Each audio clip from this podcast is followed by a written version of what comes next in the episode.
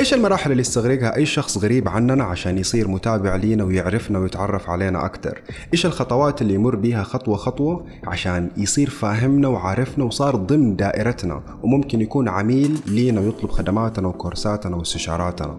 هذه المراحل والخطوات هي اللي حتكلم عنها في حلقة اليوم. أهلا مرة أخرى. أنا فواز.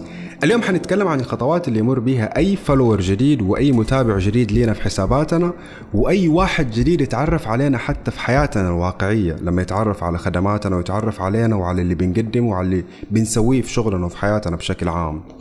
أوكي في دائرة يمر بيها العميل. الدائرة دي حلو إننا نركز عليها لأنها مرة مهمة للفكرة اللي حنبني عليها في هذه الحلقة. حتكلم عن فكرتين. الفكرة الأولى هي عن مراحل تحول أي شخص غريب لواحد ممكن يطلب خدمة من خدماتنا والفكرة الثانية هي قد إيش الفترة تستغرق بالضبط.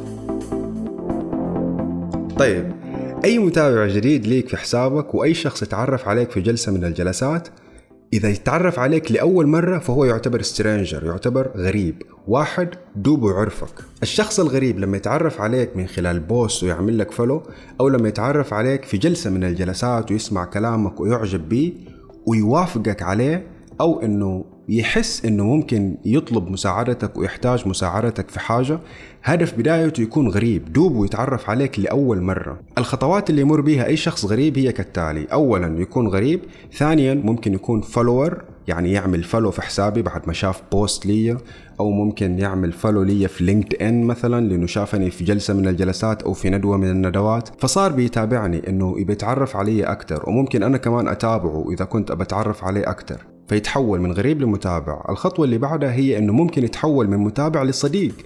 الخطوة اللي بعدها هي أنه ممكن يتحول من صديق لعميل محتمل.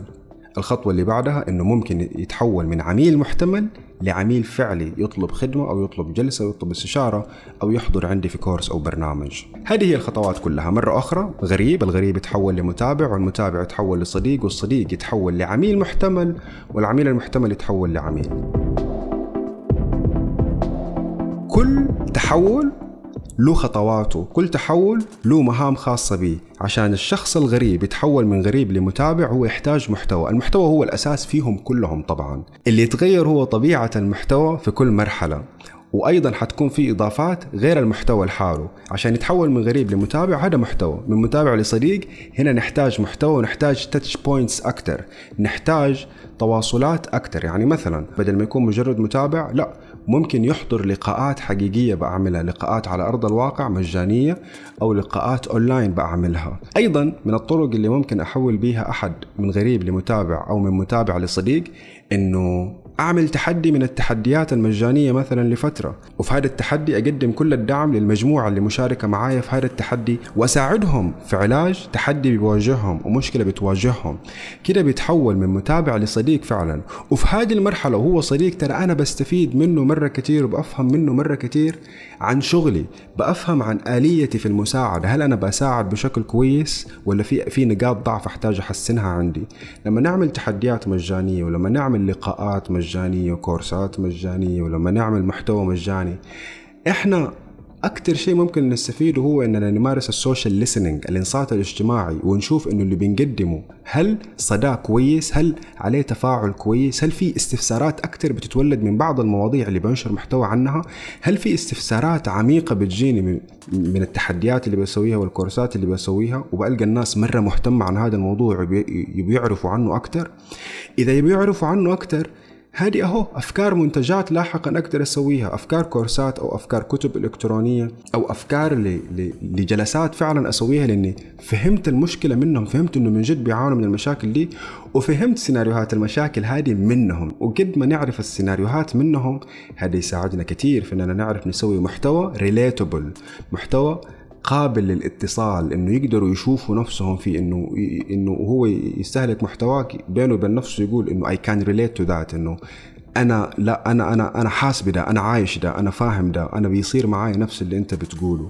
وقد ما يزيدوا نسبة الناس اللي يقولوا إنهم بيعيشوا نفس اللي أنت بتقوله ويأكدوا على إنه أنت فاهمهم كويس قد ما يزيد نسبة الناس والأصدقاء والغرباء والمتابعين اللي من جد بيتواصلوا أكثر وبيستفسروا أكثر ويفهموا منك أكثر في تفاصيل كثيرة للتحولات وكيف ممكن يصير الشخص من من متابع لصديق ومن صديق لعميل محتوى تفاصيل مرة كثيرة ورهيبة وتتطلب مننا اننا نستخدم أدوات تانية. المجال ما يتسع لي اننا نتكلم عنها اليوم. فهذه الحلقة حابب أركز على الفكرة الرئيسية اللي هي المراحل اللي يمر بها الشخص من معرفته لينا إلين ما تصير فرصة ويطلب خدمة مننا يوما ما. المراحل هي هذه. غريب يتحول لمتابع المتابع يتحول لصديق الصديق يتحول لعميل محتمل والعميل المحتمل يتحول لعميل فعلي. طيب جينا الموضوع اللي من أول بوصل له وهذه كلها كانت مقدمة طويلة عشان تأخذنا لهذه النقطة. في فكرة رهيبة من كتاب اوفر تقول إنه الشخص أو المتابع عشان يتحول لعميل هو يحتاج يستهلك مجموع سبعة ساعات من محتواك. يا للهول. سبعة ساعات من محتواك. يستهلكها عشان يقرر بعدها إنه يا أنا حطلب خدمة من هذا الشخص. طيب خلونا نفكر فيها. إذا أنا قاعد أنشر في إنستغرام متى أصنع محتوى وأشارك محتوى؟ فترة ومدة استهلاكه تساوي سبعة ساعات.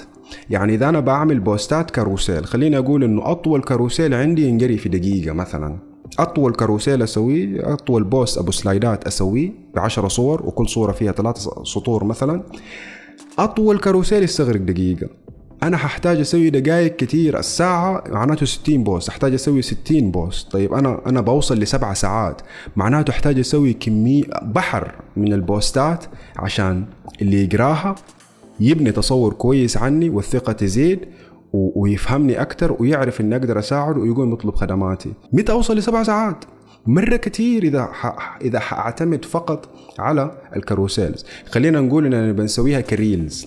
ال reels في إنستغرام كل reel يعني يعني أطول فترة له 90 ثانية دقيقة و30 ثانية بالضبط. صح؟ صح.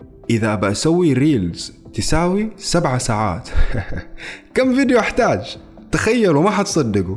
كم خمن. خمن كم فيديو تحتاج. كم فيديو reel على انستغرام تحتاج عشان توصل لسبعة ساعات. مية فيديو. 300 فيديو. 700 فيديو. أختار أي واحدة تخيل إنه تحتاج 323 فيديو reel عشان توصل لسبع ساعات. oh my god العملية مرة مرة مرهقة والشغل مرة كتير. عشان كده في اوقات كثيرة لما نبدأ نصنع محتوانا نستسلم لأنه ما بنشوف نتائج. ما إحنا فاهمين أنا أنا ليه بصنع محتوى ما في عملاء؟ أو ليه في فترات في عملاء وبعدين يقطعوا العملاء ويجافوني لفترة طويلة جدا؟ ليش؟ هذا السبب. السبب واحدة من الأس... الأسباب كثيرة. واحدة من أقواها هو فكرة أنه العميل المحتمل عشان يصير عميل عندك لازم يستهلك سبعة ساعات من محتواك. لأنه السبعة ساعات طبعا هذه بناء على أبحاث ودراسات خاصة بهم وتفاصيلها معقدة ما في مجال نخوض فيها. بس الفكرة كفكرة منطقية. الفكرة كفكرة مفهومة. فكرة أنه أي علاقة عشان تتطور هي تحتاج فترة. والفترة هذه لازم يكون فيها nurturing nurturing تغذية للعلاقة. في أخذ وعطاء في في في اتصال مفتوح في إرسال واستقبال في تفاعل في في في مشاركة في تواجد إنك موجود عشان الفئة اللي أنت بتساعدها بكل الطرق اللي أنت حابه وبكل الطرق اللي تقدر تساعدهم بيها. واحدة من الطرق هي إنك تساعدهم من خلال البوستات. طيب البوستات تستغرق وقت طويل. ال reels تستغرق وقت طويل. هل هذا كافي؟ هل هل كافي أعتمد على ال reels والبوستات؟ أوكي سؤال حلو. أعتقد إنه مو كافي. عشان كده نحتاج وسائل أخرى تسندنا نشارك محتوى من خلالها بحيث نقدر نوصل لنصاب السبع ساعات اللي قاعد أتكلم عنها. وعشان نوصل لأدوات تانية ونختار أدوات تانية ووسائل تانية ونشارك محتوانا بيها نحتاج الفكرة اللي سبق شاركتها في حلقة تانية وهي إنك ألقى طرق النشر اللي تناسبك وتقدر تنشر من خلالها. هل تقدر تنشر يوتيوب؟ هل تقدر تنشر بودكاست؟ هل تقدر تنشر تدوينات؟ ممكن تعمل تدوين. التدوين الواحدة تستغرق 10 دقائق فأنت هنا تكون كأنك سويت 10 بوستات carousel. فتقول يلا أنا مثلا بسوي ثلاث تدوينات. كل تدوينة تعتبر يعني 10 دقائق معناته ثلاثة تدوينات. هذه نص ساعة. 10 10 10 wow 30 دقيقة. حلو. أنا كده باقي لي 6 ساعات ونص عرفتوا؟ فكده العملية الحسابية تبدأ تتطور. تحس إنه أوه تحس ب gamification تحس بتلعيب. تحس إنه كده في فكرة الإيش؟ فكرة التعلم بالترفيه. هنا يصير شغلك اللي هو شغل بالترفيه كده. إنه زي ما في تعلم بالترفيه بيصير في شغل بالترفيه. فتصير في نقاط أنت تحاول تحققها في score تحاول إنك توصل له. بأنك تنوع طرق النشر حقتك وتكون هي الطرق اللي تناسبك. لأنه إذا حتشتغل بطريقة تغصب نفسك بيها وأنت مو حابها غالبا حتستسلم. إذا حتخش تيك توك وتبى تسوي تيك توكات وتقول أنا بوصل لنصابه سبعة ساعات من خلال تيك توك وإنستغرام فقط وأنت أصلا ما أنت حاب تيك توك ما بقول لك لا تبدأ لا أبدأ. شيء حلو حتتعلم مرة كثير عن نفسك وحتتعلم مرة كثير عن حتتعلم مرة كثير عن علم نفس التفاعل. حتتعلم الناس على أي أساس يتفاعلوا على أي أساس يستفسروا على أي أساس يعطوا like وما يعطوا like حيصير عندك common sense كده حتبني إحساس يخليك فاهم الناس كيف بتتفاعل معاك. بس برضو ممكن حتبطل تيك توك. عادي تكون اتعلمت اتعلمت من التجربة بس دحين الحل هو مو إنك تنسحب من تيك توك وتنسحب من الإنستغرام وتقول يا أبويا ما حد بيشتري ما حد بيسأل ما حد بيتفاعل الناس ما بيتفاعلوا كويس أنا بنشر بنشر بنشر ببذل مجهود مرة كبير بس ما في أي عائد على الاستثمار من المجهود اللي أبذله. لا لا تقول كده. ألقى طريقة تانية تقدر تشتغل بيها لنفس طويل. ممكن يكون بودكاست ممكن يكون يوتيوب زي ما قلنا ممكن تكون تدوينة ممكن تكون لقاءات دورية تعملها في أرض الواقع إنه يلا كل شهر نلتقي مرة مثلا كل شهرين نلتقي مرة مثلا. بهذه الطريقة أنت بتبني الكوميونتي تبعك. بهذه الطريقة أنت بتحول ناس من غرباء لمتابعين من متابعين لأصدقاء من أصدقاء لعملاء محتملين من عملاء محتملين لعميل. الغاية النهائية هي مو إنه يتحول لعميل ويشتري ويدفع فلوس مو هي الغاية النهائية لأنه كصناع محتوى وكمقدمين خدمات وكناشطين في المجال التعليمي وفي صناعة المحتوى التعليمي والبرامج التعليمية. أهدافنا هي مو دائما إننا نبى نكسب فلوس بقد ما إننا في اللي بيبني كوميونتي فقط فقط. يبي يسوي نادي كتاب يبي يسوي نادي كده نجتمع من فترة لفترة ونعمل لقاءات فقط عشان اللقاءات مو عشان في شيء بينباع. فالنموذج ده يفيد أي واحد ناشط في المجال التعليمي يفيد أي واحد عنده قيمة يبي يقدمها الناس ويبى الناس يتفاعلوا معاه في رسالته وينخرطوا معاه في رسالته ويعيشوا معاه التجربة ويعيشوا معاه الرحلة. وهو يستفيد وهم يستفيدوا مع بعض بأنهم بينضجوا بيتطوروا مع بعض.